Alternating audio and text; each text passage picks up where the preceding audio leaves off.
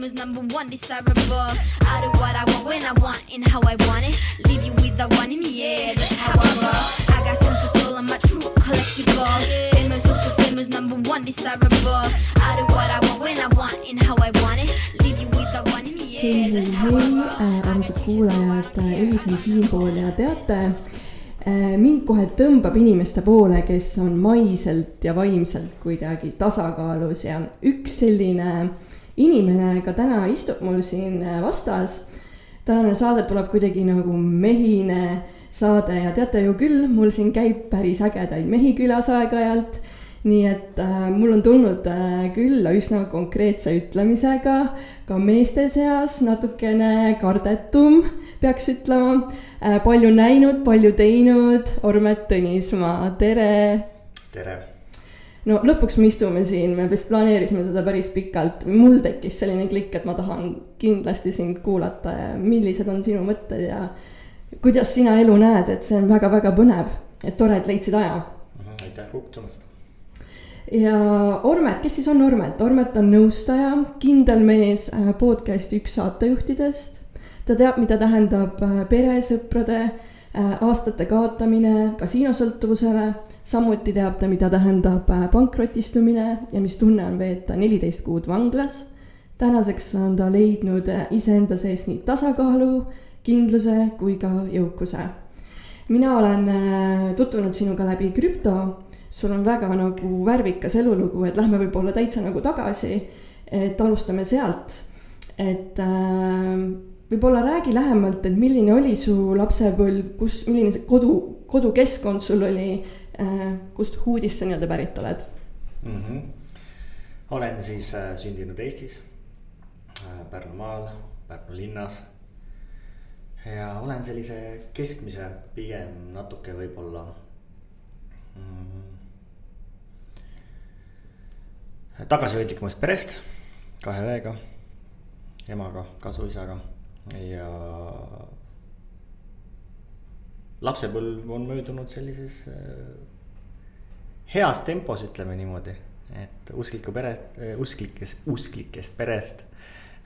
pühapäevakoolides käinud, unistanud palju noorena, maal elanud. õunapuude otsas roninud. ja, et selline lapsepõlvehuud, et äh, jõgi oli lähedal, õunapuid oli, loodusega hästi palju connection'it. ja usk ja ja sa oled maininud, et sa oled nagu hästi hoitud perest, et kas see ongi see kõik, mis seda nagu, mida see tähendab sinu jaoks? hmm.. ma olen sündinud kaheksakümmend üheksa aastat, siis et kui räägime, et kas sa oled vaesest perest või tagasihoidlikumast perest, siis ma tunnen, et nagu sel ajal nagu oligi, olimegi tasa kõik ju sellised tagasihoidlikumatest peredest on ju, et mm. -hmm. et äh, kellel siis üldse hästi läks. et olid võib-olla mõlemad, mõned sellised säravamad äh, pered, kelle, kes sai tõesti lubada rohkem, on ju, et. Ja maal, kes elasid, nad elasidki tagasihoidlikumates äh, tingimustes aga kui ma mõtlen, et kui ma läksin oma majast välja, on ju, ma hommikul pean mõtlema, et millise puu otsast ma õunu võtan, et siis ma tunnen, et see on nagu väga rikkalik äh, mõtteviis ja kui mul on vähemalt kakskümmend õunapuud aias, et siis nagu kuskohast ma räägin nagu vaesusest või tagasihoidlikkusest, on ju. katus oli pea kohal.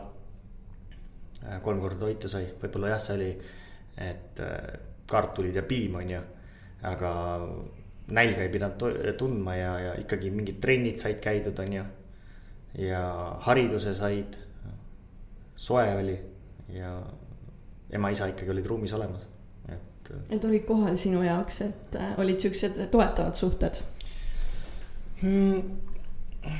jah, ütleme niimoodi, et kui ma räägin oma spordikarjäärist, siis võib-olla ema mind alguses oma teadlikkuses pani laulma. Mäletan siiamaani, mul on see trauma, et kivil istus väikekonn, pidin esitama seda kuskil Pärnu linnas, tahtis mind kuskil laulukoori ja lauljaks, on ju. võib-olla elas natuke oma unistusi seal välja. aga siis, kui ma ikka spordi peale sain, siis ma sain tegeleda sellega, milleks ma, mu keha ja geenid on loodud su kasuisa oli pastor ja sa oled sündinud usklike perre. kuidas täna usuga on, et äh, mida sa täna usud? Kõige rohkem ma usun iseendasse kindlasti aga ma usun äh, kõrgemasse. ma olen sellest egregori usust olen väljas, et usun mida see tähendab sinu jaoks egregori usk? no ütleme, egregori usk on selline, kui sa käid kirikus ja täidad kümmet käsku ja sul on sinna kuhugi boksi pandud, et täna on see usk on ikkagi usk iseendasse, usk universumisse, usk kellestki kõrgemasse. Usk, kes nimetab seda karmaks, mina usun äh,. ma usun siis teo tagajärgedesse. ja usun, et miski ei juhtu niisama, et sellised äh, baasusud, aga kõige rohkem iseendasse, jah kas sul oli väiksena mingisugune amet, kelleks sa tahtsid saada või? kui ma mäletan, mul oli error sellega kogu aeg väiksest saadik, et äh, Ormet, joonista üks asi, kelleks sa tahad saada. et äh, esiteks number üks, ma, kas ma siis juba ei ole keegi, ma olen Ormet, on ju, lasteaias, vaid ma olen Ormet äh, algkoolis nagu. miks ma pean kellestki saama, miks ma ei võiks joonistada, nagu toome küsimuse, et joonista, kes sa oled täna, on ju. et kogu aeg on küsimus, et joonista, kelleks sa tahad saada. miks me ei võiks äh, joonistada, et joonista Ormet, kes sa oled juba täna. Ja mit-, miks ma pean üldse valima ühe ameti, miks ma ei võiks olla multitalent. et täna ma tunnen, et ma, ma ei saa defineerida ennast ühegi ametiga. Äh, et ma tegelen nii mitme valdkonnaga korraga ja et sellest programmist, et kelleks sa tahad saada, on pigem nagu sa, saanud see, et kes ma kõik võin olla jaa, tõsi. sul on olnud ka käed mullas, sa oled kokku puutunud tubakaäriga, et eh, mis tööd sa oled veel teinud? no noorena kohe ema pani meid peenraid ronima, on ju, ronima, jah, eesti keel, rohima. ja siis sealt on kurke korjatud, maasikaid korjatud, siis edasi olen läinud, äh, müünud valgusteid kooli ajal juba, siis arvuteid. aga selline tugevam ärivaist. Äh, no mul on olnud kogu aeg ärivaistuga ja selline leidlik ja kuidas teha raha. Aga tugevamad sellised nagu ärilised äh, oskused tulid siis, kui tuli pankrot ja pidid hakkama ennast sealt äh, välja tooma äh, sa mainisid, sul oli kasuisa, kas sa oma päris isa oled üldse näinud või äh, tead sa temast miskit? ja olen näinud, oleme sõnu vahetanud, aga ei ole rääkinud äh,. oma, ei ole omavahel nagu jaganud seda, et äh, tema on minu päris isa või bioloogiline isa, et äh, lihtsalt ühest samast äh, vallast, maakonnast pärit ja. aga ta ei teagi siis? kindlasti teab jah, me oleme välimuselt koopiad oh,. Oh. et sellest on väga raske mööda vaadata. okei okay,, ja kuidas see see nagu, kuidas sina sellesse suhtud siis või et, et ei ole seal sellist äh, sidet ja et, et umbes ta küll teab, et sa oled. Teab, et sa oled olemas ja et äh, mul on poeg kuskil, aga ta ei tule ise nagu sinuga jut, jut, jutlema nii-öelda. ma suhtun täna üldse nagu sellesse isa-ema rolli sellest kohast, et äh, mina kui hing valin äh, naise ja mehe, kellega tulla siia maisele maale ma valin ema, ma valin isa. mitte keegi ei saa mind omada, ei suhtes ega lapsena, samal ajal kui laps sünnib, annad seda vabaks. sa vastutad Eesti seaduse järgi temas, tema eest kaheksateist aastani, aga ta ei ole kunagi sinu. et miks olen ka fänn võib-olla selle koha pealt, et äh, kuskilt maalt lapsed hakkavad ütlema ema ja isa kohta nende nimepidi, et äh, tasakaalustus äh, saada tasakaalu selle kõik, et ei oleks selles arhetüübis, et keegi on kõrgem või, või alt üles vaatamine, et mida varem laps hakkab ütlema, nimetama oma ema siis nimepidi ja isa, et siis seda kiiremini tuleb tasakaal, et isiklikult äh, mul on endal error, kui on kaheksateistaastane tüdruk, kui me täna räägime kaheksateistaastasest tüdrukust kuni kolmkümmend aastat või kolmkümmend viis aastat tüdruk ja nad kasutavad sõna emme ja issi, et äh, kõrvalt iga kord nagu imestan, et või mul emme helistas või mul issi helistas, sa oled kahekümne viie, kahekümne kuue aastane tütarlaps või mis emme või issi nagu, sa oled ammu oma elu peal ja et see kellegi tõstmine, et äh, jah. iseenda tasakaalust väljalükkamine sellega, et äh, me inimestena oleme ikkagi kõik võrdsed, hingedena oleme kõik võrdsed. aga kuidas äh, see sinu mehelikkust on mõjutanud, et sa ei ole oma päris isaga nagu nii tihedas kontaktis ja ei puutu kokku väga? ma leian, et ma olen iseenda isa et äh, see on see ohvri rolli minek, et mul ei ole olnud isa või et mind ei ole kasvatatud oma bioloogilise isa poolt, et. äh, leian, et Jumal ja universum on andnud mulle täpselt selle, mida ma suudan kanda ja milleks ta on mind siia maisel maale toonud, et äh, ma olen tänulik kõik selle eest, mis mul on elus olnud äh,. mida sa võib-olla ütleksid oma kahekümne viie aastasele iseenda minale nii-öelda, mis see oleks? Mida ütleb kolmekümne kolme aastane Ormet kahekümne viie aastasele minale hmm.? ma olen seda käinud mingites ringides läbi neid äh, kirju ise nooremale iseendale ja siis vanemale iseendale, siis äh, kahekümne viie aastasele Ormetile ütleksin täna, et võta rahulikult. sa ei kujuta ette ka, kui hea elu sul on ees tulemas. Vau, äge äh,. sul oli head hinded, eeskujulik käitumine, iseenda kohta oled öelnud nii-öelda inglipoiss kus siis ühtäkki hakkas see elu nagu allapoole veerema? ja ingli, inglipoiss, et tead, ma ikkagi enne kaheksateist aastat tegin äh, väga tugevat sporti, olin sprinter, kergejõustiklane. väga edukas saja ja kahesaja meetri äh, jooksja, poodiumite kohtadel kogu aeg. ei suitsetanud, ei joonud, ei käinud pidudel. teadlik, hindetead, aga jaa, kaheksateist olles kaheksateist, nädal aega vist jõudsin olla. ja suutsin ennast kaotada internetikasiinosse. ja sealt hakkas see, see teistmoodi elu, mida ei oleks isegi kunagi ette kujutanud, et see Ormet, kes ma olin ikkagi seal, ütleme. esimesest klassist kuni keskkooli äh, lõpuni, et see Ormet oli ikka väga eeskujulik. et iga vanem tahaks saada sellist last, aga kaheksateist ja kogu elu muutus absoluutselt täiesti ta tagurpidi. mis sa ise arvad, mis sind äh, sinna õnge nagu püüdis, sinna kasiino õnge? ma olen mõelnud sellele, aga ma nagu, ma olen võib-olla rohkem selline inimene, et ma töötan läbi mingisugused protsessid. saan aru mingitest olukordadest, aga ma ei jää sinna kinni, et miks ja ei lähe sinna väga sügavale kõik on ikkagi juhtunud põhjusega, täna on parim asi, mis minuga elus üldse olla sai, on see, et äh, minus, mul oli periood, kus ma olin kasiinosõltlane, äh, oli periood, kus ma olin võlgu viiekümne ühele inimesele, pluss pankadele. ma lahkusin siit äh, Eesti riigist selja taha jäädes kaks miljonit krooni, on ju, kahe aastaga maha mängitud. täna ma olen kõik need enda tugevuseks pööranud, ma ei kujuta ette, kui ma ei oleks mänginud kasiinot, ma oleksin võib-olla kuskil keskmise astme tööline Pärnus võib-olla Tallinnas, poleks kunagi Eestist välja läinud, sest ma olin programmis, mõtlesin, et kõik, kes Eestist lahkuvad, on nõrgad, et tuleb siin hakkama saada mm. -hmm. et toimus see nagu mõttevahetus siis seal, et. Äh, ja ma olin noorena, mind huvitas väga paljude inimeste arvamus väiksest kohast pärit, kohast pärit on ju, maakohast. huvitas, äh, mida teised minust arvavad, kuidas nad mind vaatavad, olla eeskujulik ja nii edasi. see, et kui sa ikkagi lahkud siit ja oled võlgu inimestele, oled äh, oma pere, sugulastele võlgu sõpradele, trennikaaslastele. Äh, oled äh, igasuguse maine kaotanud ja siis lõpuks oled Soomes ja tänaval on ju korjad pudeleid.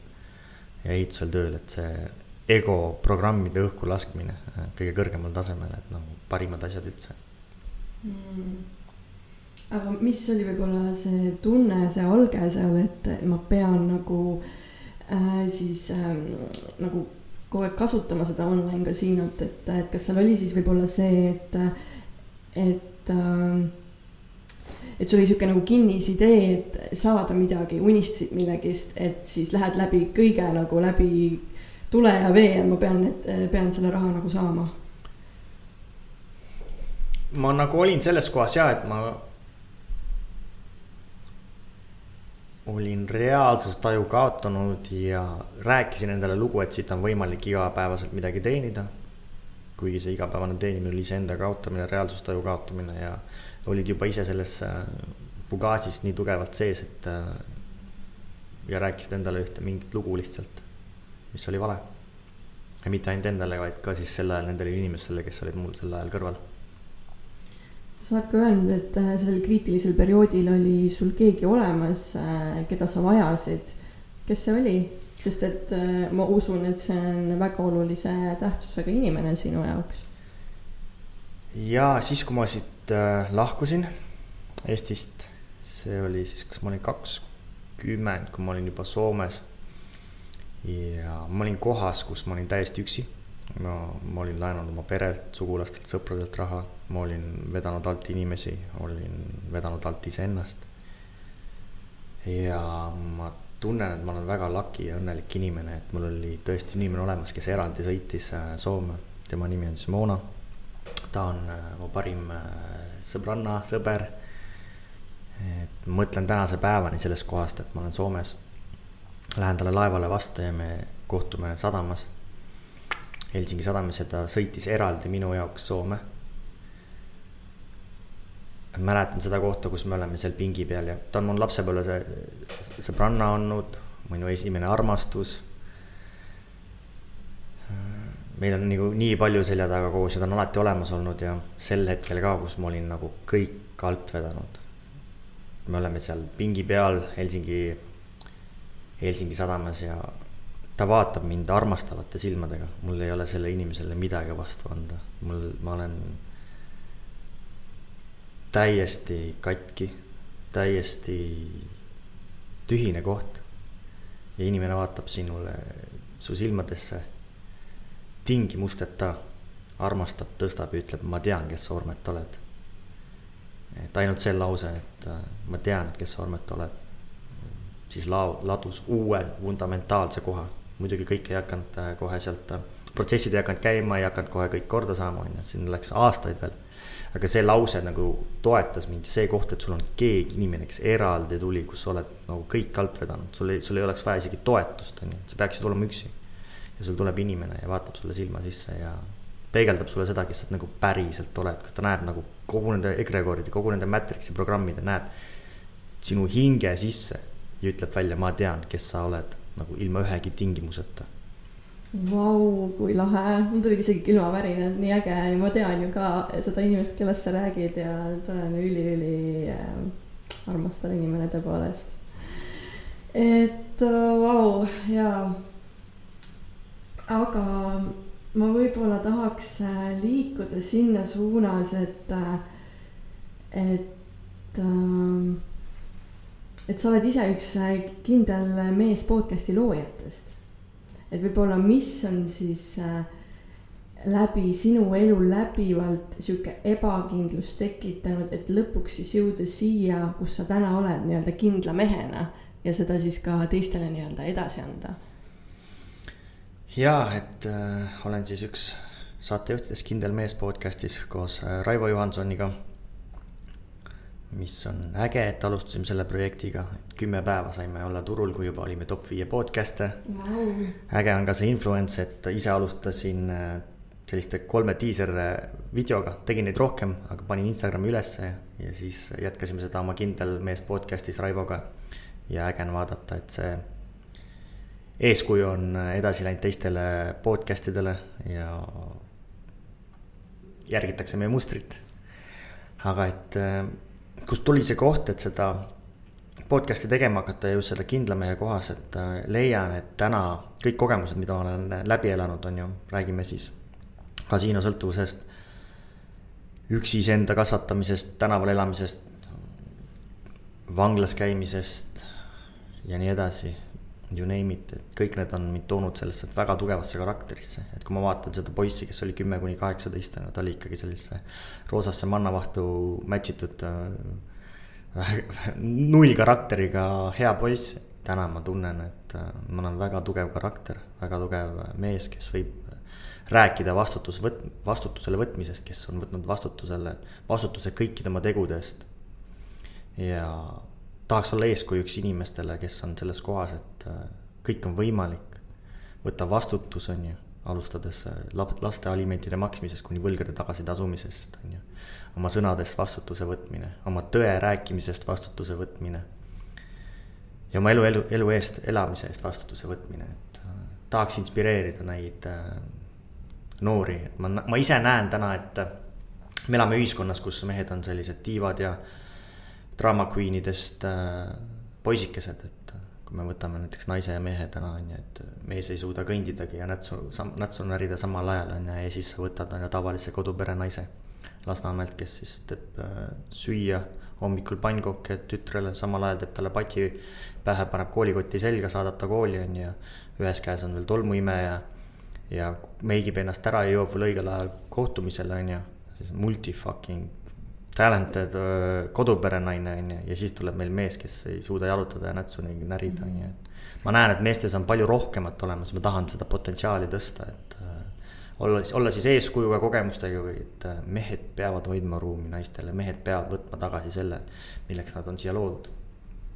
ja kuldsed sõnad. Äh, ma ise ka, kui sa mainisid seda nagu sobitumist just, et äh, ühiskonda ja teiste jaoks sobitumist, siis tegelikult seal ongi see koht, kus me nagu kaotame selle enda kese nagu, enda nagu selle kontakti ja karakteri, nagu sa räägid, nagu täiesti ära, sest me tahame nagu justkui nagu meeldida ja sobituda et see on nagu üks, äh, üks selline minu ka selline õppetund olnud siin viimased aastad ähm,. aga ma tahaks võib-olla uurida, et kus sinu enesearengu tee nagu alguse sai, kust hakkas nagu maailm avarduma ja et peale inimese tasandi on veel palju tasa-, muid tasandeid ja dimensioone, et kus oli, tekkis sihuke nagu vau wow. no ma arvan, et kui ma nimetasin seda alguses seda kiriku egregori usku, on ju. siis algas arvatavasti ikkagi sealt, et pere, olen usklikust perest, on ju, käisime kirikutes, on ju. isa oli pastor ja see avardas mu mõtteid, usku ja et midagi on rohkem siit olemas, võib-olla ma olin selles egregoris ja piiratud mõttemaailmas. aga see andis mulle usu ja arusaama, et siin on palju rohkem. ja nagu ma olen rääkinud oma eluloo jutus, et nagu ma vihkasin bussisõite. et see oli see, mis andis tõuke, et minust saab kindlasti edukas äh, ärimees tulevikus ma ei kavatse bussiga sõita.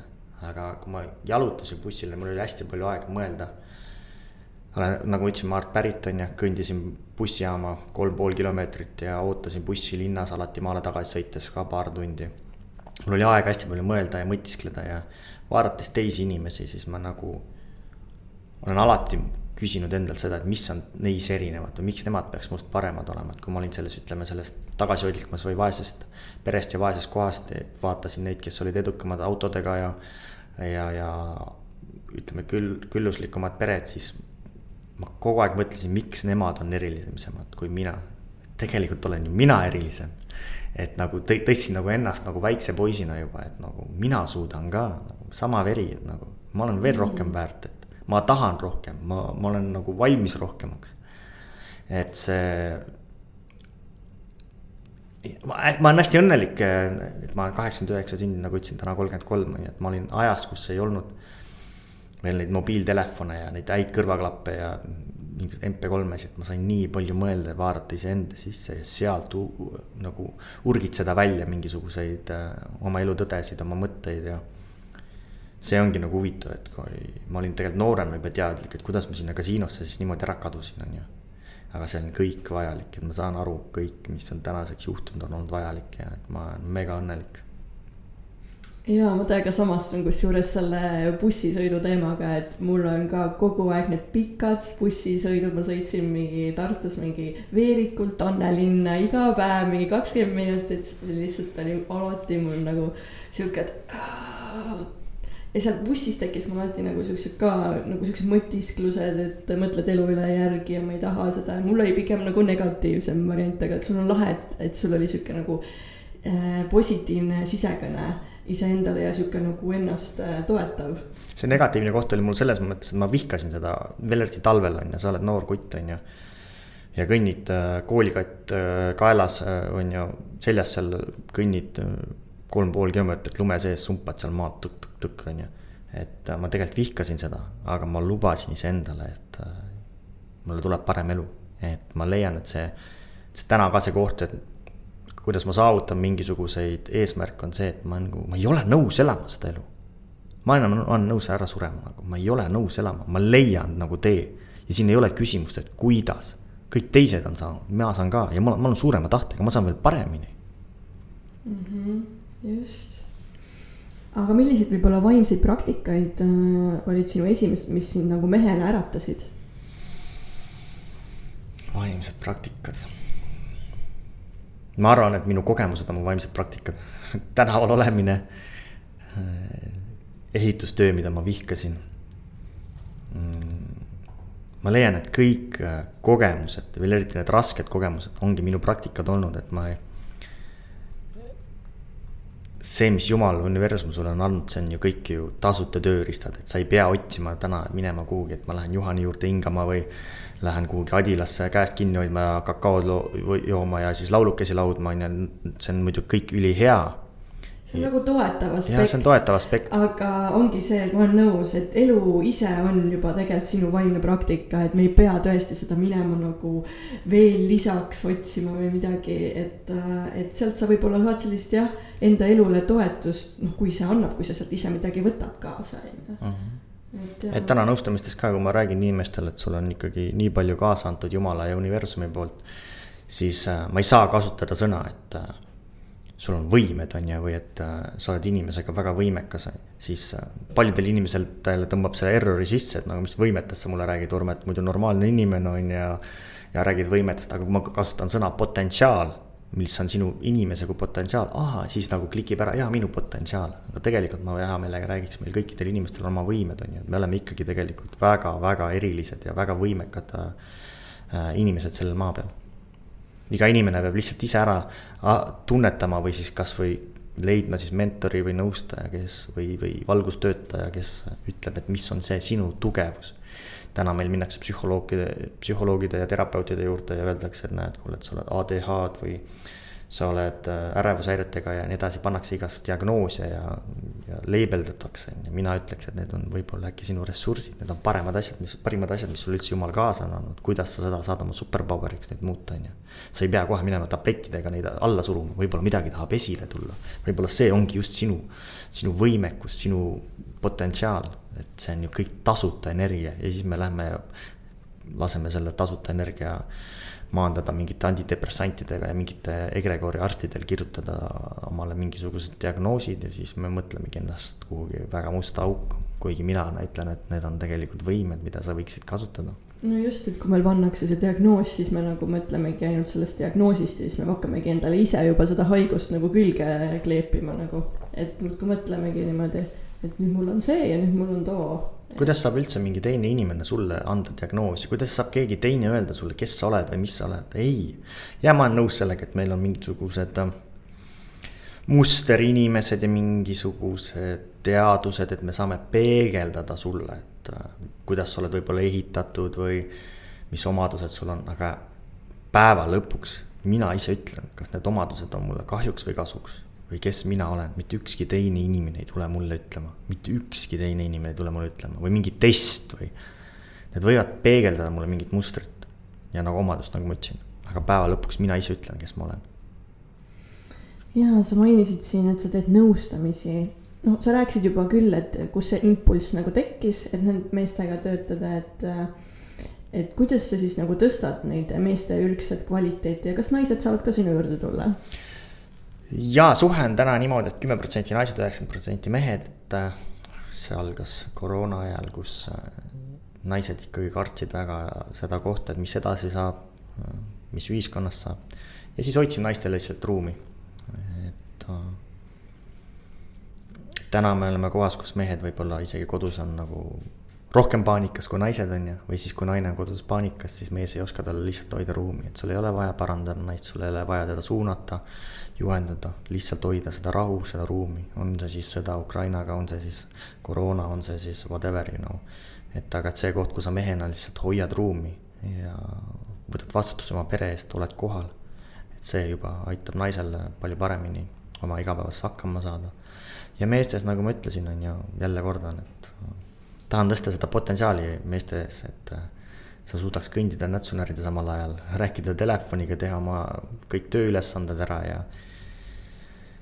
et äh, jaa, ma lihtsalt kurb on vaadata, kuidas öeldakse, et ei ole generatsioonide vahet ja kõik, aga kurb on vaadata, mis on saanud meie tänast meestest. aga ma näen, et palju-palju äh, rohkemaks on mehed võimelised ja ma tahan seda neile peegeldada nende potentsiaali aidata märgata ja nii ilus mõte ja tore, et teed seda, sest ma usun, et see on nagu eriti vajalik praegu.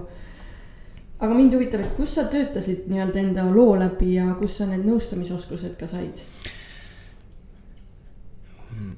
no ütleme nii, et ma käisin koge-, loovruum kogemusnõustamist äh, õppimas, mul oli väga ägedad õpetaja Urme Puntson ja Anneli Valdman. Aga sa ei saa nagu minna kooli, küsida, et kuidas saada kasiinosõltuvusest vabaks või kuidas tänavalt välja tulla või kuidas pankrotist välja tulla, kuidas sellega hakata, kui inimene pole seda ise tundnud, ma täna ikkagi nõustan läbi oma kogemuste et ma ei ütle, mis on, kuidas on elu õieti elada või et mis on tõde. ma lihtsalt jagan oma kogemusi, kuidas mina tulin siit välja. ja on mingid asjad, võtame kasiinosõltuvust, SMS-laenudest, nutisõltuvustest, et kus sul, sind ei saagi keegi väga õpetada, ma olen ise lõpetanud IT-ala kooli. ma tean täpselt, kuidas neid algoritme ehitatakse. ma hoian ennast igapäevaselt äh, kursis nende asjadega ja lapsevanemad täna meil siin äh, vaevlevad nutisõltuvusprobleemidest lastega on ja, või täiskasvanud ise, ise on nutisõltuvustest on ju, rääkimata sellest, kuidas SMS-laenud täna toimivad või kuidas kasiino, kasiinod marketingi teevad ja nii edasi, on ju. minnes edasi, kuidas pankrotist välja tulla, kuidas ennast mitte samal ajal lõhkuda, kuidas tulla vanglast välja, kuidas äh, mitte üheski olukorras, mis elu sulle toob, jääda ohvri rolli, miks mina, vaid et äh, jess, et sa valisid Jumal ja universum mina ja I m gonna show you, kuidas ma siit välja tulen, on ju, et kõik on ju, sa oled ise oma ellu tõmmanud, see on nagu kingitus, come on, ja siis sa lähed ohvrirolli, miks mina nagu. ja ma olen olnud selles täiega mingi, miks mina? Ja siis mingi nutad kuskil randal maas mingi why? Life is that. Et sa pead aru saama, et sa oled nagu eriline, sind on välja valitud selle ülesande jaoks, et eh, kõige parem õpetaja on elu, on ju, iga päev olemas ja iga päev kohal on ju, igas olukorras et ju siis on, sa oled ise soovinud midagi sellist, et see võib-olla see hetk, mida sa, kus sa praegu oled, ei ole soovinud, on ju, aga see on palju e. eesmärk palju ka, kaugemas tulevikus, et kui sa soovid olla tugev karakter ja persoon, nagu mina olen soovinud, on ju, olla tugev karakter, persoon ja minu jaoks eneseareng on olnud kõige tähtsam, siis äh, ma näen neid kohti, et jumal on andnud mulle need kohad, kus ma pean ikka väga tugevalt struggle ima, et välja siit tulema ja on valinud nagu isegi suhte tasemel võtnud sellised naised ja sellise armastusloo mul ellu, kus ma nagu, ma olen nii breakdown, et ma saan aru, et tegelikult see on lihtsalt test, et kui tugev ma tegelikult tahan olla, kui suur eesmärk mul üldse siin elus tegelikult on ja, ja kõige tähtsam, oma tõe elamine. kõik me oskame rääkida kõik me oskame mingi jama suust välja manipuleerida. targutada, öelda kõike asjalikke sõnu ja informatsioone mm.. elu ei ole see, mis me sinuga siin tund-kaks räägime podcast ides mm. -hmm. elu ei ole see, kui keegi sul tuleb mingi mentor lavale, räägib kaks tundi ja vau wow,. elu on see, kui sa lähed podcast'i ruumist välja, siis lähed lavalt maha ja siis lähed koju, arved on vaja maksta, naine karjub, laps magamata äh, lapsel tuulerõuge, et sa ei saa minna mingile koosolekule, auto on katki ja nii edasi. elu on selles kohas, kuidas sa siis elad oma tõde. mitte see, mida sa õpetad laval või podcast'is, mitte see, et sa oskad manipuleerida, tulla kohale ja mingit infot jagada. kuidas sa elad oma tõde. et see, sealt hakkab alles elu. jaa, nõus aga mis on, mis sa ise arvad, mis on need väärtused, mida sa endaga sinna nõustamisruumi nagu kaasa tood, et millist tuge nagu mehed sinult saavad? no kui ma ütlen ausalt, siis on mingisugused ruumiloomisvõimed, mis ma olen alles märganud siis, kui ma alustasin nõustamisega, et väga huvitav on näha neid kohti, kus äh, minu juurde tulevad väga suured äh, kehakaaluga, ütleme, ja väga tugevad karakterid kaua sa oled muidu nüüdseks teinud? kaks aastat mm.. et kui tulevad sellised sada kakskümmend, sada nelikümmend kilo suur, suurused mehed ja, ja oleme viis minutit rääkinud ja sa näed, et nad juba nutavad, on ju. et ma poleks kunagi võib-olla arvanud, et ma suudan sellist ruumi nagu luua. kas, kas just arvanud, aga pole võib-olla märganud, et ma suudan sellist nii usaldavat ruumi luua, et inimene tuleb ja lihtsalt nutab, et ma olen olnud kohtudes, kus nelikümmend minutit inimene, mees lihtsalt nutab. ja annan talle selle võimaluse ja me pole saanud üldse rääkida, lihtsalt tühjaks nutta nagu täna mehed ju teevad siin alla, et mehed ei nuta, on ju, et noh, okei okay,, nüüd hakkab see tulema, et ole haavatav, on ju. aga nutmine, hingamine, kõik need tasuta tööriistad, et äh, me ei kasuta neid, on ju. et okei okay,, hingamist ka täna juba, juba reklaamitakse tugevalt välja, et Juhan Oode teeb siin on ju head tööd hingamisega on ju, aga et see nutmisega ka, et see naermine, nutmine, hingamine. tasuta tööriistad, mida me ei kasuta ja nõustamise osas. kui palju me seda nagu äh, pingeolukorras nagu võtame niimoodi, et aa, kasutaks nüüd seda hingamist on ju, kui tuleb mingi väga suur sihuke kriisiolukord nii-öelda mm. -hmm. ja nõustamistest võib-olla veel, et nagu. ma näen, et see, et see usalduskoht tuleb ikkagi sellest meestelt, et ma olen läbi elanud neid, pluss teine asi nagu. nõustamiskohtades ma ise nagu annaks natuke selle nõustamist terapeutide ja psühholoogide äh, egregorile natukene selliseid hinnanguid, et kui sa õpid täna näiteks terapeudiks või psühhoterapeudiks, sa õpid seal kuus kuni üheksa aastat, on ju. esiteks sa õpid seda üheksa aastat, üheksa aasta jooksul muutub kui palju teadlikkus ja teadus ja samal ajal sa oled kuskil koolipingis nühid ja siis käid ja nõustad, on ju, et ma leian, et täna need kogemusnõustajad ja nõustajad, kes samal ajal elu elavad, on palju nagu tugevamad. efektiivsemad. efektiivsemad jah, et nagu sa ei saa vana mingisuguse egregori info pealt nagu inimestele diagnoose panna või leibeldada, on ju, et iga inimene on eriline, eriline, iga olukord on eriline ja iga päev on muutuses. Kas sul on mõne psühho, psühhoterapeudiga või psühholoogiga nagu juttu olnud sellest või on nad? Eks see tekitab errorit kindlasti ja, et on kindlasti olnud ja ma olen ise selline väga otse väljaütleja selle süsteemi nende inimestele ja ka väga paljud on minuga samas on nagu väga nõus, et eh, lükka ümber mu info on ju, et ma nagu, kui ma olen liiga intensiivne, liiga agressiivne, liiga terav, siis võta seitse päeva aega, kirjuta mulle Facebooki, kirjuta mulle meil, lükka ümber mu info või et eh, saame kokku, pane laual teib, laua taga teibi endale ette ja räägi siis sina, on ju. ma tunnen ikkagi, et ma täna peegeldan tõde ja ma ei ütle, et see on ainutõde, aga see on kogetud tõde, mis on mind aidanud ja ma luban seda ümber lükata, aga ma sooviks, et see ümber lükatud info oleks võimalikult tugev mm. -hmm. sul on ka sihuke üks huvitav teenus, mida sa pakud äh,, nimelt ürgmehelikkuse taastamine, alfamehe aktiveerimine mida sa täpselt teed seal ja vaatasin, et see kestab ka seitse tundi järjest või kas see on üks pikk päev? see on üks pikk, päev jah, et äh, me oleme täna sellises kohas, kus mehed nagu peegeldavad ikka tohutuid hirme ja antud päevas me lööme lahti kõik hirmud ja läheme hirmudesse sisse. et kui me siin räägime, et mehed ütlevad, et ma ei taha minna suurte kaubakeskusesse shoppama, et see on minu jaoks kui sõtta minek, et see energiakissell on seal nii suur, et äh, tulen ära sealt, lähen Prismasse või Stockmannisse shoppama, tulen ära, pea valutab, terve päev on rikutud, on ju, siis nagu me räägime nagu väga pisikesest ülesandest, kui sa ei suuda minna Prismasse või Stockmanni äh, shoppama või vaja ära tuua naisele või lapsele koju vajalikud asjad, on ju, siis kuidas sa üldse muudes olukordades hakkama saad, on ju. Neid hirme, mis täna meestel on, et äh, see on vau wow,, me me ei räägi ühest hirmust, kahest hirmust, et need hirmud on.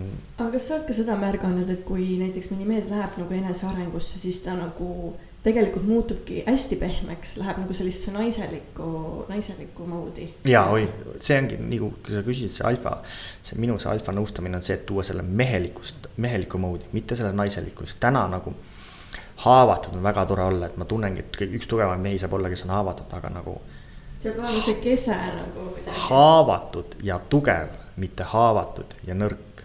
et nagu me ajame nagu selle koha sassi siin, et mees peab olema haavatud ja ta peab olema haavatud, avatud, aga tugev. mitte haavatud, avatud ja nõrk. see, nõrgad mehed nagu kahjuks ei saavuta nagu midagi. see haavatud ja nõrk aetakse üldjuhul sassi, et see peab olema haavatud, avatud, aga tugev Need ongi siis ürgmehe kvaliteedid. ja see ürgmees, miks ma seda nagu toon kogu aeg rohkem välja, et nagu come on, täna me kõnnime ülikonnad seljas või sõidame heade autodega või on see siis ükspuha mis tasemel on ju kunagi viikingid läksid teise külla või teise maasse, kirved käes oma lastele ja perele süüa tooma. täna ei suuda mees minna isegi kaubanduskeskusesse, kott täis panna ja tuua seda, mida naine on talle nimekirjaga kaasa andnud, et siis on ka segadus, mis juhtu ma pean võtma ja peab ikka naisele koju helistama. kuule, aga ma selle saia ikka võin võtta ja nagu seda otsustusvõimet ei ole, seda nagu leidlikkust ei ole, seda vastutusvõtmist ei ole, et nagu et see ürgne jõud, mis meil tegelikult kõigis on olemas, tuleme tagasi sellesse, konverteerime selle tänasesse elusse come on, et nagu me suudame seda.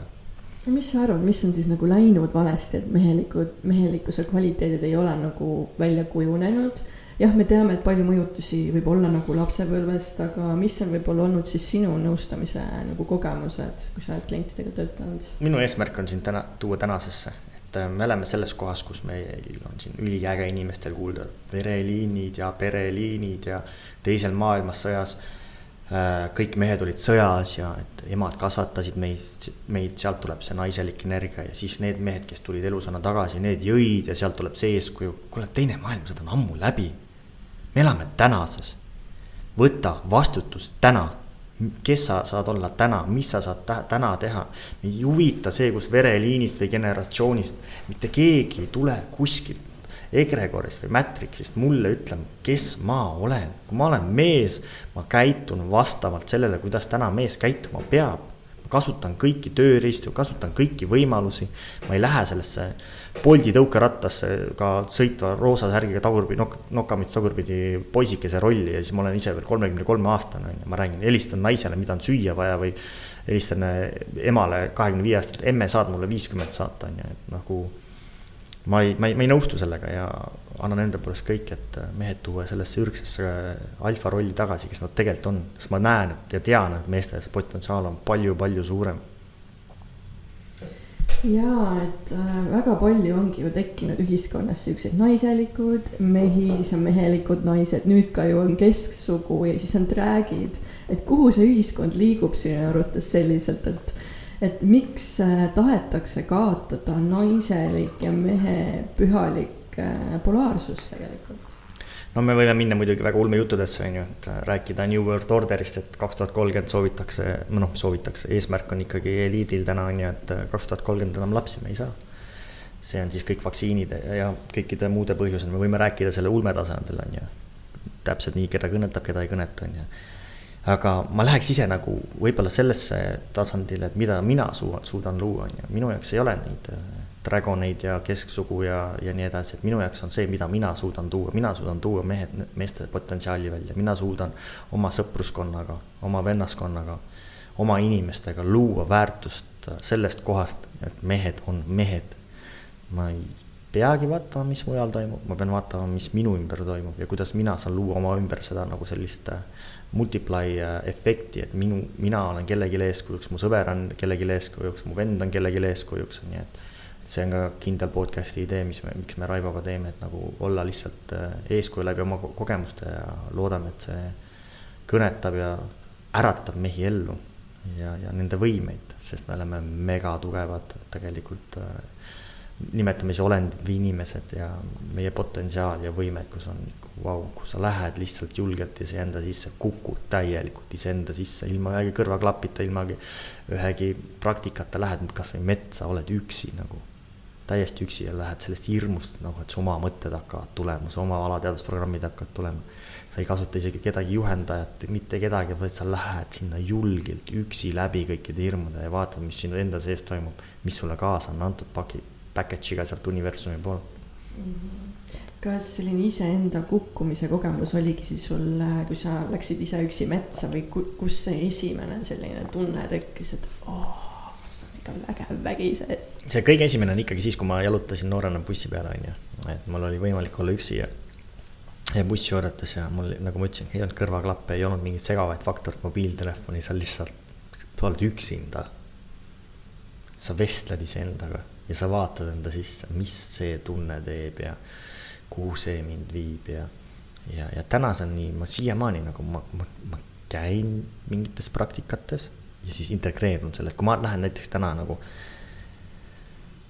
toon näite Juhani juurde hingama, on ju, üliäge kogemus ja teen selle ära, siis järgmine kord, kui ma sinna lähen, võib-olla poole aasta pärast või aasta lõpus, et või kui ma lähen kuhugi meesteringi, siis ma käin seal ära ja järgmine kord, kui ma lähen sinna võib-olla järgmine aasta. et ma ei ole selles lõksus, mul on vaja siis integreerida need praktikad iseendasse, mul on vaja näha, mis ta mulle esile toob.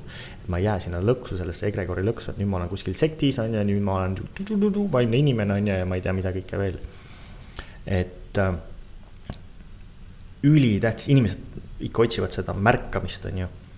et ülitähtis on märgata iseennast nagu kõik otsivad tunnustust ja märkamist kellegi teise poolt, et võtame kasvõi maailma tasemel või Eesti tasemel siin lauljad, kuulsused on ju, ajavad taga igapäevaselt oma likee, follower'e on ju ja, ja vaata, kui katki need inimesed on, on ju. Saia Libovist alustad, lõpetas Robin Williamsist ja nii edasi, on inimesed, kes on nagu, neid jälgis miljoneid inimesi, tunnustatud miljonite inimeste poolt, märgatud nagu kõigi poolt, kõik teame neid nimesid ja nende story'st, täiesti katki mentaalselt kui sa iseennast ei märka, ei märka, mis sa tunned, ei märka, mis tunne tahab äh, esile tulla, on ju, sa oled nagu sõltuv mingitest follower'ide hulgast, äh, klikkidest ja nii edasi, on ju. no ma arvan, et neil on ka sihuke elustiil tekitatud ja sihuke nagu väike nagu brainwash ka tehtud, et mis, kuhu nad peavad nagu tähelepanu panema ja, ja siis kaobki see endaga kontakt väga suuresti nagu ära. ma arvan, et see brainwash ei ole ainult nendega tehtud, vaid see on see kõige tavaline Instagramis, Tiktokini või podcast'is jälgida oma likee ja asju, nagu mina jälgin täna seda, mida mina tunnen. mis mingi muusika paneb mind tundma, mis mingi ilm paneb mind tundma, mis tahab esile tulla et märka iseennast, et üks asi on märgata, neid, neid leveleid märgata iseennast on ka nagunii, mina, ma ärkan hommikul üles, ma vaatan alati ennast peeglist, mõtlen nagu mine pekki. ebareaalselt kõva vend nagu, ebareaalselt ilus mees nagu on ju, tunnustad, näed praktikaid. Räägid iseendaga, tead, kui palju mehi taha käib mul nõustamas, ütleb nagu, küsin, et millal sa ennast peeglist vaatasid. ma ei tea, siis küsin, aga kui sa hambaid pesed, on ju, siis sa ju vaatad. ei no ma pesen hambad lihtsalt ära, et nagu kui palju on inimesi, mehi, kes ei vaata ennast peeglist, ei julge vaadata, kes neile ei meeldi see, mis nad vastu sealt, mis neile vastu sealt paistab või nad ei võta omaks seda. Kas või kasvõi naistega lähevad sinna peegli ette ja meigivad ja vaatavad ainult kriitilise pilguga, aga minna peegli ette, kasutada seda praktikat, et aitäh selle avatari eest, vau, katsuda oma nägu, on ju Kõik... mina olen kuninganna ja, ja olen kuningas. iseennast tõsta, keegi teine ei saa sind tõsta, kui sa iseennast ei tõsta. keegi teine ei saa sind programmeerida, kui sa iseennast ei programmeeri.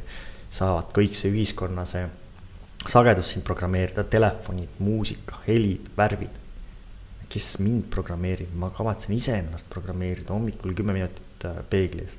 ja tegelikult seda teevad kõik maailma väga edukad inimesed, kasutavad seda peegelefekti nagu, võta iseennast vastu sellest on ka tegelikult väga suur äri ju tehtud, et äh, inimesed ei lähe enda sisse vaatama, vaid nad otsivad nagu infot väljast, et vaadata, et teised teevad paremini, rohkem kui mina. ja siis äh, ongi need koolitused on ju, praktikad, kõik need, et äh, noh, see on ka üks, üks teema mm. -hmm. Aga tänapäeval on ka palju üksindust, mis sina arvad, mis seda pälvib? see on ka teema, millest saab nii pikalt rääkida, et ma kus maalt see üksindus on ja mis level on, kas sa oled üksi? toome, toome neid, toome selle natukene nagu lahti, on ju, mis tähendab üldse üksindus, on ju.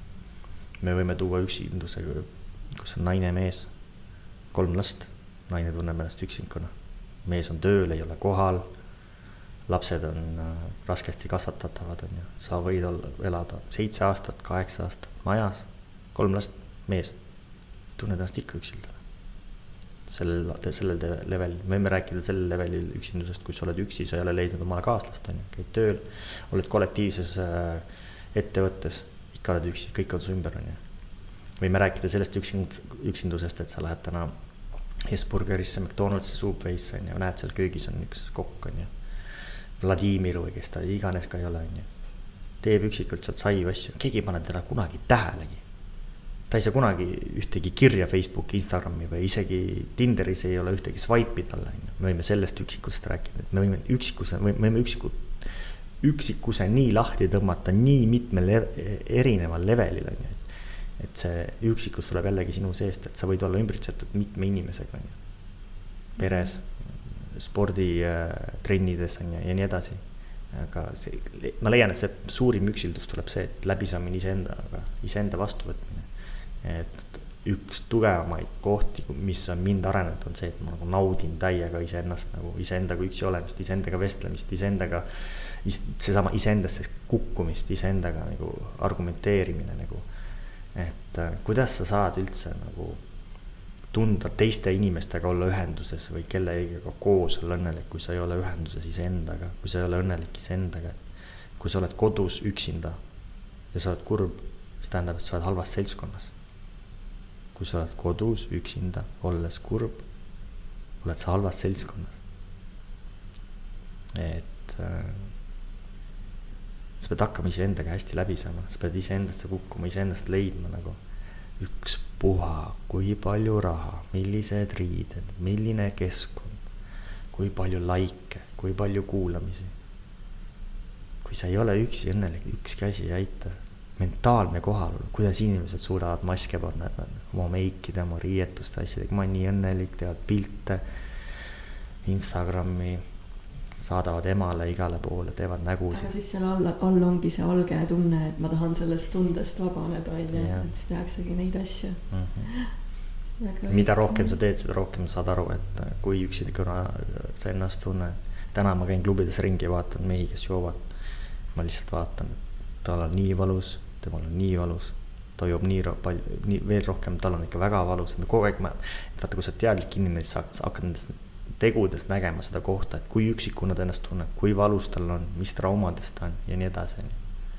et neid kohti, kuhu ennast ära peita, ära joosta ja ära põgeneda, täna meil neid võimalusi on ju väga palju ja võib-olla siis see isegi vastab minu küsimusele, et, et mis siis on tänapäeval nagu suhetes valesti, et miks on nii palju sellist valetamist, vassimist, näitamist. Et kelle jaoks me elame seda illusoorset maailma, et Instagramis on justkui üks elu ja tegelikkus on teine. no kui me räägime üldse nagu suhetest ja nagu sellest äh, suhte arhetüübist ja naistest, siis üliäge nagu ma, ma olen ise väga data inimene ehk siis statistika inimene. ja jälgin, kuhu raha liigub ja siis tänaseks on äh, JP Morgans on ju maailma number üks investeerimise pankade ettevõtte nimi. Teinud sellised investeeringud aastast kaks tuhat kakskümmend kaheksa. lemmikloomadele, kassidele äh,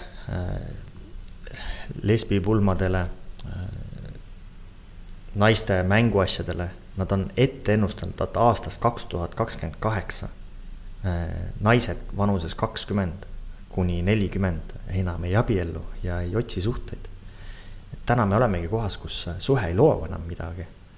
et äh, ollakse koos lihtsalt mingi programmi pärast, aga ei olda suhtes õnnelikud, ma ei räägi nagu erandjuhtudest, ma räägin nagu üldsusest, et on ikkagi väga-väga eeskujulikke, väga õnnelikke peresid ja väga nagu, väga harmoonilisi suhteid, kus nagu vaatad ise kõrvalt ja mõtled, et nagu nii äge, nagu väga eeskujulik. aga täna ikkagi elame kohas, kus äh, naised elavad äh, koos toakaaslasega, vennaga jah, et suhted on läinud ikka väga teises suunas, suunas, et kui võtamegi, et in, isegi nõustamisel, et äh, mul käivad naised või mehed siis, et ja räägitakse seda kohta, et on aasta aega koos olnud ja peale esimest aastat juba ongi tunne, et ma elan lihtsalt äh, mingi korterikaaslasega või vennaga. et intiimsus on kadunud, ei räägita omavahel ja ollakse lihtsalt koos, äh, kuna peab olema või ei taheta üksi olla või et juba on ära harjutud, et, et äh, ja, et suhteteemadel võib täiesti, täiesti teha eraldi podcast'i, et see on nagu nii laialdane, et, et suhted on, ma leian üldse kõige suur transformatsioon iga inimese elus, eriti minu elus ja, ja, ja neid seda pusleks ja detailideks tõmmata, et see võimegi see rääkima ja, jääda. ja see on pikk teema jah, et äh, siin annab nagu mitmes suunas minna ja see on kindlasti hästi põnev ka, et äh, et kõik see, mida sa rääkisid, jah, ma olen ise seda ka ühiskonnas märganud, et äh, nii paraku on kuidagi läinud, aga ma arvangi jah, sellel alge ongi see, mida me siin täna ka nagu läbivalt rääkisime just, see enda kese, see üksindusega vaadata silmitsi ja, ja see kommunikatsioon, et mida ma vajan, see välja rääkida, et, et ma arvan, et sealt kõik see nagu pihta mõnes mõttes hakkab Mm -hmm. äh, aga milliseid kogemusi sul on üldse siis suhete näol olnud, et sa natuke aeg ka jag- jagasid siin midagi? mul on elus olnud suht vähe suhteid, mul on olnud küll palju naisi, kui nii öelda. aga nagu selliseid suhteid on mul olnud vähe, üks põhjuseid on see olnud, et ma olen elanud Soomes. ma olen alati soovinud olla eestikeelset, eestikeelset rääkiva naisega, et saaks väga hästi väljendada siis oma tundeid, oma arusaama. ja ikkagi suur osa elust on olnud ju raske, et kui me räägime sellest kasiinosõltuvast vanglast või sellest tänaval elamisest, et äh, ma elasin mingi noorusaja ikkagi sellises kohas, kus ei olnud võimalik, et ma nüüd oleks mingis suhtes või et ma pühenduks kellelegi. aga need suhted, mis mul on olnud, siis äh, tunnen jälle nagu õnnistatuna, et äh, universumi jumal on valinud mulle just need inimesed, keda nii suure tähtsusega ja keda ma nii väga armastanud iga oma keharakuga, et ja siis tulnud sealt sellised õppetunnid just, et mind kasvatada selleks, kes ma täna olen, et no, iga inimene on tulnud näitama mulle mingit väga head kohta ja ma olen kõikide nende inimeste eest väga tänulik. mis sa ise arvad, miks su elu üldse kulmineerus selliseks, et sa lõpuks äh, omadega vanglasse välja jõudsid? test. Ma olen kogu aeg öelnud, et mul, mul ei ole ohvri rolli nagu. ja tuligi test. et no sellise paragrahviga seal, mis ma sain ikkagi inimrõõmine välja pressimine on ju, ja kuidas ma nüüd, ega esimesed nädalad, kui ma vanglas olin, mõtlesin, et mul on alati soov olnud teha mingit podcast'i või saadet, et kuidas ma nüüd teen.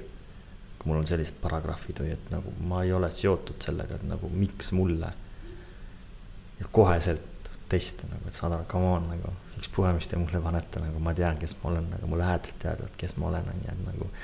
see, et kuskil mingis paragrahvis või kuskil keegi üritab leebeldada või elu testib mind nagu parimad asjad üldse, ma tean, kui väga hea, hea nõustaja ma tahan olla, kui väga suurtest kogemustest ma tahan läbi tulla ei taha olla mingi pehme vend, keda, kes räägib siis mingisugust raamatust õpitud asjadest, ma tahan kõik läbi käia ja siis öelda, et I made it, nagu elada oma tõde. Jumal tulebki ja elu tulebki, testib sind, et noh, kui, kui tugev sa oled mingis olukorras, on ju, et elu ei anna ja universum ei anna sulle rohkem, kui sa suudad seda kanda, on ju, ma lihtsalt kannan ära need.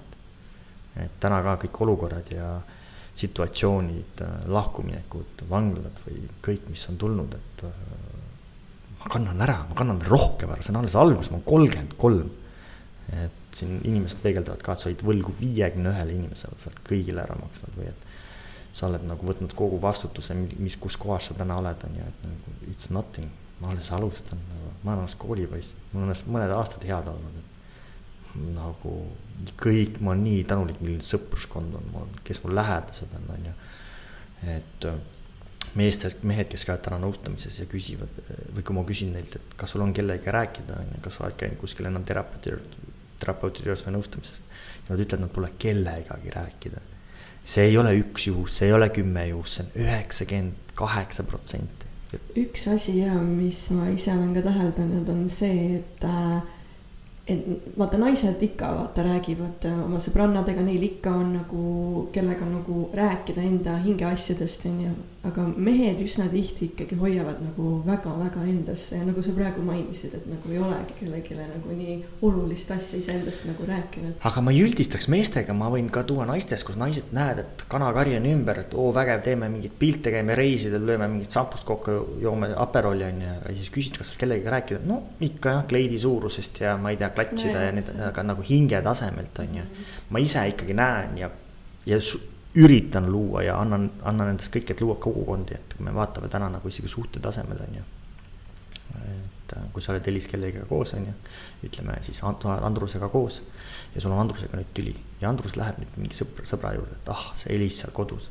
nüüd kas, kas temal on sõber selline, kes ütleb, et ah, muidugi, kuule, lõpeta ära, see Elis seal käib seal las ta olla, lase lahti ja sa oled paremat väärt või ta läheb näiteks Ormeti juurde, kes on toetaja sõber, ütleb, et Andrus Elisal on ka raske, vaat naisterahvas ja hoia ruumi ja hing, lähme käime, teeme ühe külma supluse ja käime ujumas ja või siis sina, kui Elis lähed, Kristina ütleb, et ah, see Andrus, kuuled, sa oled palju paremat meest väärt või sa lähed kellegi äh, teise Tiina juurde, Tiina ütleb, et kuuled, et Andrusel on ka raske, võete kokku, et see kogukonna koht, et täna ka vaatame, kuidas nagu see suhted nagu nagu esiteks number üks impeeriumeid nagu lõhutakse seestpoolt, on ju, aga kuidas välispoolt lõhutakse, on see, et sul on sõbranna, sõbranna, nimetame seda sõbrannaks siis, kes kõrvalt tuleb ja viskab puid veel alla, tegelikult peaks olema see toetav koht, ma olen nii uhke, et ma olen sellises sõpruskonnas täna.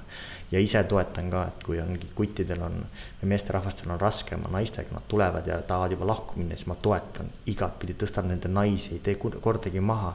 ja mu sõbrad siia tulevad, peegeldavad, ütlevad ka, et tänu sinule ma olen koos, sest et sa pole kordagi nagu äh, tagant utsitanud, mine lahku või et nad, sa väärid paremat naist ja et see, see kogukonna koht, kui meil kõigil on sellised kuuesed, kaheksased kogukonnad, head sõbrad, kes toetavad meid just rasketel aegadel on ju, mitte see, et minegi jah, temaga lahku või et sa väärid paremat. ja ma olen nõus, et me läheme üsna tihti nagu äh, oma tuttavate käest siis küsima nõu ja abi ja mis nemad arvavad, aga tegelikult nemad ei tea kogu seda nagu temaatikat või mis seal nagu tegelikult on all ja mis tegelikult on juhtunud, vaid nad lihtsalt nagu on lihtsalt siis selle inimese poolel, kes on talle lähedasem. et, äh, et tegelikult äh, tuleks, mina nagu olengi nagu selle arvamuse ei, ei avaldagi nagu, et olen täitsa nagu neutraalne, et ei taha nagu ennast nagu sinna sisse ja kedagi hakata mõjutama, et ma ei tea, mine nüüd lahku või et no proovige veel, et inimene peab ikkagi ise tunnetama lõpuks nagu -hmm. tegema selle otsuse aga lähme korraks veel vanglaelu juurde, et äh, milline sinu vanglaelu kogemus siis oli, kas see keskkond reaalselt toetab neid inimesi seal, et vaadata ja mõista oma tegude tagamaid või pigem on soosiv keskkond ikkagi teha rohkem nagu kuritegevust äh, vanglasiseselt? ennekõike jällegi, mis keskkonnas sa ise oled, on ju, mis kestas sa oled, on ju, et äh, pane mulle ümber ükspuha, mis keskkond, tähtis on see, mis keskkond, mis keskkond minu sees on kui väga ma seal tahan muutust, kui väga ma olen eh, nagu, kui kindel ma olen mehena oma keskkonnas, siis väline ei suuda sind nagu kõigutada. et äh, kui ma olin Soomes vanglas, et Soome vangla pigem oli toetav, kui me võrdleme Eesti vanglatega, mis Eestis nagu ma tean, on nagu koonduslaagrid, siis Soome vanglad ikkagi aitavad sul tagasi teele, isegi kui sa vanglast välja saad rahadega Soome vanglas on ju joogadest grillimisteni kuni mänguõhtud ja nii edasi ja nii edasi, on ju, et. ma leian, et see süsteem kogu maailmas peaks olema selles mõttes parem, et kui sa teed ühe korra vea, see ei, see ei defineeri seda, kes sa oled. mõtle, kui sa teed vea kaheksateist kuni, kaheksateist kuni kakskümmend viis on ju. kahekümne viieselt saad vanglast välja või oma veast välja või isegi kolmekümneselt on ju. sa elad uues teaduses kaheksakümne aastani sa defineerid ennast küm-, ütleme see ühest kuni viieteist aastani on ju, sellega sa ei saa ennast defineerida, siis sa oled nagu noh, laps on ju, lasteaed, koolid on ju. aga sa hakkad defineerima seal kuskil viieteist aastaselt on ju, viisteist kuni kolmkümmend, see on viisteist aastat. nüüd, kui sa oled tervelt mõtlev, teadlik inimene, sa ei saa panna leibelit ühelegi inimesele viieteist aastast teoga ma tean nii palju, kuidas me elame ühiskonnas, kus inimesed ongi teinud viisteist aastat võib-olla vea, elanud järgi nelikümmend, viiskümmend aastat mega eeskujulikult ja vastutusvõtlikult. aga räägitakse ikka sellest viieteistkümnest aastast. tähtis on see, keda sa, kellena sa iseennast näed, tähtis on see, kuidas sa võtad vastuse oma, vastutuse oma tegude eest. tähtis on see, et. tähtis on see, kuidas sa elad kaheksakümmend protsenti oma elust, mitte see, kuidas sa elasid kümme või kakskümmend protsenti et matemaatiline tehe, mis leibeleid me paneme siin. jah, inimestele jääbki see negatiivne meelde, noh nagu meil need uudised ka ju, et äh, kogu aeg pannakse negatiivsust, siis äh, jääb see, äh, see teema meelde, mida noh, kajastatigi nagu selles varjundis mhm. mm. -hmm. aga kas sa siis saidki karistuse inimröövi ja väljapressimise eest ja kas sa läksid siis vangi teo eest, mida sa pole korda saatnud või sa ikkagi nagu tegid seda? ma läksin teo eest ma väga ei puudutaks seda, kuna ma olen sellega teinud rahu, aga ja olin kohas, kus see kõik toimus. mu mobiiltelefon oli selles samas levis. ma olin teadlik, mis seal toimub ja ka mind võeti ja küsiti küsimusi ja mind on õpetatud, et äh, lapsest saadik, et sa ei äh, eesti keeles siis ei äh, näita näpuga või ei räägi kellestki paha ja tänu sellele sain siis äh, esimeses kohtus kaks koma kuus aastat advokaadid ütlesid, et kindlasti võidan, et ohver ei tunne, et mul null seost antud äh, juhtumiga, läksin teise kohtusesse ja olin äh, teises kohtuses, läksin kohtu ette, kus advokaat küsis, kas Ormet on sinult välja pressinud, äh, sinu vabaduse võtnud, füüsiliselt halba teinud ja nii edasi. ja ohver ütleb klaasi tagant ei, et seda inimest ei olnud seal kohal, kõik teised olid ära tundnud. ja kaks päeva olin vanglas ja vabastati aga siis äh, kaks pool kuud hiljem tuli lõppvastus, siis öeldi, et me ikkagi arvame, et Ormet, sina oled olnud seal kaasosaline ja, ja tegija ja läksin tagasi veel siis, äh, pidin veel tagasi minema vanglasse istuma ära lõpud, et. Äh, aga jälle ühtegi korda ei olnud seda, et miks mina või mis nüüd saab või et seda ohvrirolli kohta, et testi, testi nagu sa ei saa minna sa ei saa, ükspuha on see, mis ajalehe pealkiri, ükspuha, mis näpuga näitab, mul täitsa pohhu, heas mõttes nagu eluterve pohhuist. mis keegi minust arvab, kõige tähtsam mis mina endast arvan.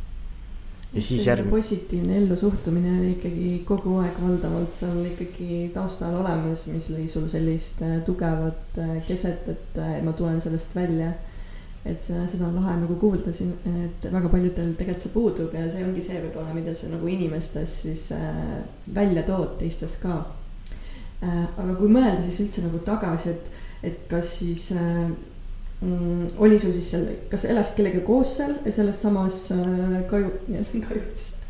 Kambris. Kambris. Kajutis jah. Et kas see oli toetav, kellega sa seal elasid ja mida see sulle siis lõpuks õpetas? no ma olin tegelikult päris mitmes vanglas, seal viidi, kuna ma olin eeluurimisvanglas, siis ma olin seal veel lahjemas vanglas, kuna meil ei olnud süüdistust. oli, oli üks vangla siis selline, kus nagu olid kaheldatavad vangid. ja seal ma olin üksteist kuud ja seal olin ma väga hea sõbraga, oli, tõesti läks nagu hästi, et nagu. ma nimetan teda sõbraks, et. ja järgmine, siis kui ma pidin tagasi minema, seal ma olin üksi ja see oli nagu hotellituba, et ma olen igal ajal enne vanglas, kui kaotaks lähida, lähedase leinaga või et äh, igal ajal nagu valin selle, kui oleksin kuskil Aafrikas, jookseksin lõvidega ja peaksin mõtlema, kus süüa saada, et ma tõin kogu aeg neid võrdlusid endale, et ma olen terve inimene, on ju, et see on ainult nagu ajutine olukord ja mis ma saan siit võtta kaasa, mis ma, miks mind on siia olukorda toodud, mida ma saan siit õppida, on ju, kuidas ma saan oma karakterit tugevamaks teha. mitte kordagi seda, et mitte kordagi seda hetke, et nagu kuidas saaks kiiremini välja või et nagu ei kasutanud iga päeva maksimumi, ma võtsin maksimumi antud olukorras, antud keskkonnas, ma saan. ma teadvustasin juba see, selle täna ma teadvustan eriti palju, et iga päev, iga päev, sest kõik inimesed, kes ellu tulevad situatsioonid, on testid, testid, testid, testid. ma ju tean, mis mu unistus on, ma ju tean, kelleks ma tahan saada, ma tean, tean, kui tugevaks karakteriks ma tahan saada. et äh, mind ei huvita, et mis paragrahvid mind kuskil on, on seotud minu nimega või et äh, ma olen tänaval olnud või et ma olen mingi võlgu olnud. mind huvitab see, et ma olen võtnud vastutuse ja kõik korda teinud, ma ei ole peitnud pead liiva alla. et ja see on kõik alles algus. ja ma vaatan kella, ma vaatan teemat ja mis ma tahaks veel võtta, aga mm, ma võtan paar küsimust siit veel. Ja siis, äh, siis kahjuks peame lõpetama ka aga ma tean, et su üheks iidoliks oli Fifty Cent, räägi võib-olla lähemalt. Äh, kas sa kuulasid siis sellelaadset muusikat tollel ajal noorena või? ta ei olnud mu iidol, ütleme nii, aga ma, kuna ma ütlesin, ma olin tagasihoidlikust perest, meil ei olnud interneti või arvuteid, aga äh, mul siis isa oli saanud äh Viasati panni, nime, nimetati sel ajal Viasati antenn tegelikult ja siis meil oli seitse muusikakanalit, kõik Viasatid, MTV-d ja ma vaatasin muusikavideosid, ma olen mega suur muusikafänn, et minu elu ühed suurimad naudikud on toit, reisimine ja muusika, on ju. ja ma fännasin Fifty Centi ja hip-hopi ja, ja ma olen programmeeritud kindlalt selle rikkuse osa ja küllusosa Fifty Cendi muusikavideodes, kui vaatad, ilusad Lamborghinid, ilusad naised ja. See oli ka kindlasti programmeering, mis ma noorena tahtsin saada rikkaks, tahtsin ruttu Lamborghinisid ja tahtsin hästi palju naisi ja. et see programmeering tuli seal, ma teadvustan kõik, mis mu elus on juhtunud, kust need programmeeringud on tulnud, et kes olen tegelikult mina, on ju. kes on tegelikult Ormet või kes on, või siis mis programmeering või alateadvusprogramm on mind kuhugi viinud ja kus ei olnud mina ja ma proovin, ravin selle programmi välja ja võtan ka vastutuse, kui see programm viis mind kuskile kõrvalteele jah, see võib-olla oligi see alge, mis viis võib-olla sind siis kasiinosõltuvusse. ja kindlasti jah, ma olen seda nagu öelnud, et üks et rikkuse ja kasiinol oli see, et kiiresti rikastumine, kiiresti saada sellist elustiili, bling-bling-bling elustiili ja, ja alateades programmides ja programmides, mis on, mul oli telekast äh, programmeeritud. et teadvustan seda ja võtsin pärast vastutuse, kui oma vead kõik parandasin ma arvan, et sa oled oma elus kokku puutunud nii vaese kui äh, nagu rikka mentaliteediga, missugused on need erinevused, äh, mõttelaadid, äh, käitumismustrid, mida sa oled nagu ise nagu näinud inimestes?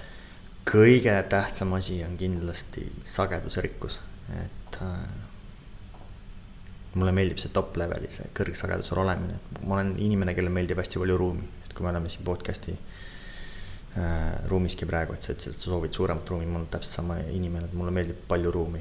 Penthouse'id, suured äh, korterid, suured majad, et äh, top level, kõrgsagedus, et see madal sagedus ja seal alumistel korrustel on nikitsad, et ma palun, see ongi minu eesmärk, et tuua teid siia kõik ülesse, kus on palju rohkem ruumi.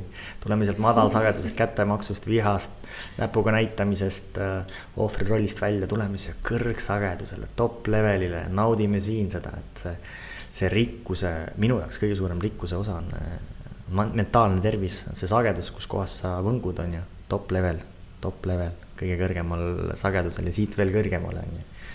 et äh,,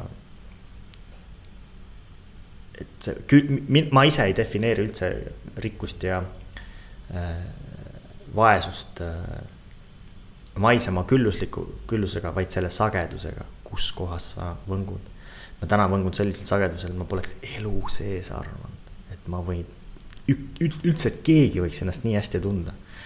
ma tunnen ennast nii hästi igapäevaselt, ma hommikul ärkan üles, ma olen lihtsalt tänulik selle tunde eest, selle sageduse eest, kus ma võngun.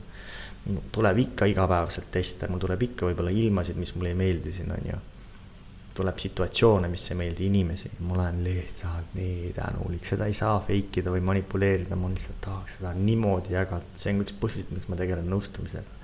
see on nii hea tunne olla selles kohas, et sa ei saa osta rahaga seda, sa ei saa fake ida seda. Ma lihtsalt olen mega õnnelik ja ma olen lihtsalt õnnelik, et ma olen õnnelik, ma olen õnnelik see, mis sagedusel ma olen nagu. See on lihtsalt, kõik need kogemused on mind toonud sellesse, sellesse kohta ja sa näed neid teste läbi, neid, neid matrix'e läbi ja lihtsalt tunne nii hea, ükspuha, mis keskkonnas sa oled, sa oled lihtsalt, ma olen, ma olen, olen pilves elust. ma pole tänaseks joonud kohe pool aastat, on ju äh,. teen sporti, toitun õieti ja nagu see on kõik alles algus nagu, see on nagu.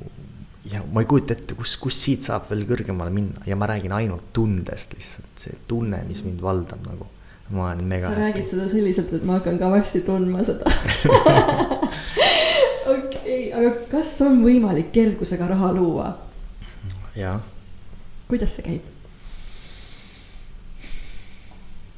number üks, äh, hakata looma raha et täna, kui inimesed käivad ka mulle nõustamises, siis äh, räägivad sellest, et kui palju nad teevad tööd, siis ma alati ütlen, et inimene, kes teeb kogu aeg tööd, millal tal on aega raha teha, et mindset hommikul, kui sa lähed, sa ei lähe hommikul, ma lähen, mis sa hommikul teed, Elisa, lähen tööle, ei, ma lähen raha tegema. lihtsalt need väekad sõnad, too oma programmi, ma lähen teen raha. ütlen uuesti, inimene, kes teeb kogu aeg tööd, millal tal on aega teha raha kaks täiesti erinevat mindset'i. Ma teen nii palju tööd, teenin vähe raha. et ma olin Soomes, kui ma, mul olid ehitusel ka kolmsada kakskümmend tundi tööd ja mida kõike veel, nii ma polnud kunagi raha. täna ma teen vähem tööd kui kunagi varem ja teenin rohkem raha kui kunagi varem. et see mindset, ainult üks pisikene mindset'i vahetus, ma ei tee tööd, vaid ma teen raha. ja niimoodi sina loodki? Jaa aga kergusega jah, ja siis see, et sa, et sa ei ole kinni selles, et sa nagu usaldad elu, on ju. aga otsi kohta, kus teha raha, mitte tööd. ja siis success leaves clues, mistakes leaves clues. ära pea ennast nagu, nagu nüüd, nüüd lähen natukene potentsiaalist äh, mööda, et ära pea ennast nii eriliseks, et sa arvad, sa suudad midagi erilisemalt teha, on ju, selles mõttes, et õpi teiste vigadest ja õpi teiste nagu ed, edust, on ju täna ka, et nagu tahad teha raha ja jõuda kuhugi, siis nagu samas sa ei viitsi Apollosse minna. Apollo raamatupoodi ja osta kaheteist eurost raamat, kus kõik inimesed Donald Trumpist, ma ei tea, lõpetades, kellest seal räägivad. sõna-sõnalt, kuidas nad seda tegid, sa ei viitsi seda raamatutki läbi lugeda, et äh,. ma toon ühe lihtsa näite. kui paljud inimesed täna räägivad kehakaalu langetamisest, kui paljud inimesed räägivad, lähen trenni ja peaksin dieeti pidama hakkama kui väike protsent reaalselt läheb trenni, hakkab dieeti jälgima. ja reaalselt jõuama oma eesmärkideni. kordan veel, see on nagu nii lemmiknäide lihtsalt. kui palju inimesi unistavad paremast kehast, räägivad, ma hakkan tegema. loevad võib-olla mingi dieedi kohta. panevad omale mingeid eesmärkaale ja kui palju tegelikult siis pärast inimesed lähevad trenni ja võtavad ka selle endale nagu siis tegudes eesmärgiks ära teevad. täpselt samamoodi on ettevõtluse rahaga, unistuste ja kõikide asjadega. Neid inimesi, kes tegelikult reaalselt teevad tegudega, on väga vähe. jaa, nõus mina ju arvasin seda kunagi, et, et mida rohkem vaimne ma olen, et seda rohkem nagu rikkus ka minu juurde lihtsamini tuleb ja et ma ei peagi väga midagi tegema. Mm. et eh, mingi selline mõtteviis oli ka kunagi. aga mina, mida mina sinu loo puhul nagu märkan, on see, et sa julged nagu rahaga mängida tegelikult, et sa julged nagu riskida, sa julged nagu teha väga nagu kardinaalseid otsuseid, et juba nagu kaheksateistaastaselt on ju. et, et, et see on nagu, see on sulle kaasa antud kuidagi On... no raha on energia, me räägime ikkagi energiast, on ju, siis mm ma leian, et üldse me kõik inimesed peaksime energia, energiatega mängima ja manipuleerima energia enda poole, on ju, maailma tippmentorid on ka öelnud, et äh, nende elu muutus siis, kui nad õppisid manipuleerima energiatega. ehk siis ma, mitte manipuleerimine negatiivses võtmes, vaid siis mängulises võt-, võtmes manipuleerimine. mängi energiat enda poole ja tegelikult on sul kogu aeg huvi olnud raha vastu, sest üldiselt, kui meil sügavat huvi raha vastu ei ole või see puudub, siis seda ka meile juurde ei teki nagu, et äh, mis sa sellest arvad? Just, kui me toome neid vaimsete näiteks äh, kogukondade näiteid, kus äh, inimesed istuvad koos, hoiavad käest kinni, räägivad kogu aeg mingitest sündmustest, vaimsetest kohtadest, ärkamistest ja siis küsivad Urmet, et kuidas sul see finantsiline pool nii mänglevalt tuleb, siis ma ütlen, et ka, et võtke nüüd järgmine aasta ja te olete ära masterdanud selle vaimse leveli endale juba, et puudutage nädalas korra seda, aga nüüd seesama seltskond, kellega te läbi käigite, rääkige rahast. rääkige sama palju rahast, kui te rääkisite oma vaimsest kohast seesama ka, et me kõik unistame, tahame, aga nagu ei võta mitte midagi ette, ei too mingeid näiteid, me ei räägi, kuidas saaks üksteisele kasulikud olla, ei märka üksteise tugevusi, on ju. ja siis usaldused ja kadedus ja nii edasi, et siin on nagu nii palju ja muidugi siis äris on ikkagi see, see agressiivne pool on ju, ja siis see mängulisem pool ja siin neid näiteid on jälle, võime teha eraldi podcast'i on ju selle, et kuidas luua raha nii, aga ma võtan siis mõned viimased küsimused, et äh, minu podcast'i kuulavad enamus äh, küll naised, aga mehed ka. ja mida sa neile soovitad, et nende kooselu oleks rahuldust pakkuma või üldse nende nagu kese oleks rahu, rahu, rahu. Nad tunneksid nagu igal tasandil nagu enda elus ikkagi rahulolu. see on nagu see see minu nagu see point, milleks ma üldse nagu podcast'i alustasin ka, et, äh, et tuua inimestes rohkem nagu seda teadlikkust ja rahulolu juurde. kõige tähtsam, ma arvan, naisena on teada enda väärtust. kasvõi paberile, paberile üles kirjutada. vaadata ennast peeglist, mitte siis, kui sa meigid, vaid vaadata ja mitte siis, kui vaatad, et sa oled ülekaalus või et mis ei sobi, vaadata ennast peeglist, armastada ennast sellisena, nagu oled olla tänulik selle keskkonna eest, mis sul on, on laste eest või mehe eest ja. ja panna kirja seesama väärtused, nagu mis on sinu enda väärtused. ja ma tunnen, et täna peaks iga naine ennast tundma kuningannana. ja kui sa ei tunne ennast kuningannana, siis too elus, ellu julgelt muutused. ära sõltu kellestki teisest. on see su ema on see su eh, isa, on see su pere arvamus, on see su mees võib-olla, keda sa ei armasta. ela maksimum, küsi endalt, et mis siis saab, kui ma peaksin elama järgmised kolmkümmend, nelikümmend aastat samamoodi, sa oled täna juba õnnetu. kujutad sa ette, sa pead kolmkümmend, nelikümmend aastat veel õnnetu olema. ma teen eh, tasuta ennustamise siin kõikidele kuul-, kuulajatele, ma teen oma nõustamistes ja oma sõpradele. ilma kaardideta ilma kohvipaksult lugemiseliselt, võin ka sulle selle helist teha. tahad teada, mis sa teed homme või tulevikus? vaata, mis sa teed täna. tahad teada, mis sa teed homme või tulevikus? vaata, mis sa teed täna. kui sa täna lükkad oma mured tulevikku ja ei tegele nendega, siis sa teed seda ka tulevikus, kui sa täna ennast kokku ei võta, seda teed ka tulevikus, kui sa täna lükkad edasi trenni mineku, sa teed ka seda tulevikus. tänane päev on reaalne peegeldus tulevikust. kui sa täna oled õnnetu, oled sa tulevikus ka õnnetu. kui sa täna lükkad oma mehega äh, vestlusi edasi, oled sa ka tulevikus äh, samas kohas, kus sa lükkad vestlusi edasi, sa ei võta midagi ette ja sa oled õnnetu. nagu ülilihtne, kui sa oled täna õnnetu, siis miks peaks tulevik olema õnnelikum, kui sa täna kohe midagi ette ei võta inimesed lepivad ära suhetes või alustavad trenne ja lihtsalt võtavad mingi pisikese otsuse, aga ei tee mingit kardinaalset muudatust. miks peaks su tulevik olema teistsugune kui täna? mis sa selleks nagu kardinaalselt muudad, see, et sa nüüd oled nagu meigid ennast seal nagu peegli ees või teed pannkooke ja siis mõtled, et hm, nüüd ma hakkan või et oh, nüüd minust saab või et oh, mina olen ka see ja nagu mis sa kardinaalselt muudad, et sa seda üldse väärid ja sa selle oma ellu tõmbad. et nagu naistel, noh, toome ikkagi välja, räägime ausalt, naised on hästi naiivsed mingitest unistustest ja vaimsetest kohtadest ja. ja see naiivsus nagu ma ei, ma ei taha seda nagu negatiivses võtmes öelda, vaid ma tahaks seda tõstvas võtmes. söö ära naisena oma naiivsus miks peaks sinu tulevik olema parem või miks peaks sinu tulevik olema muutuses, kui sa täna juba ei muudu, muuda ennast. mingi pisikesed otsused, pisikesed, ma ei tea, märkamised ei muuda su tulevikku. mida ma täna kardinaalselt ette võtan, et mu tulevik oleks teine. mida ma tean täna, et ma teen valesti ja ma saaksin seda muuta ja ma tulevikus teen õieti. märgata iseennast, armastada iseennast, olla kerguses, aga samas teha muudatusi ja olla sõltumatu.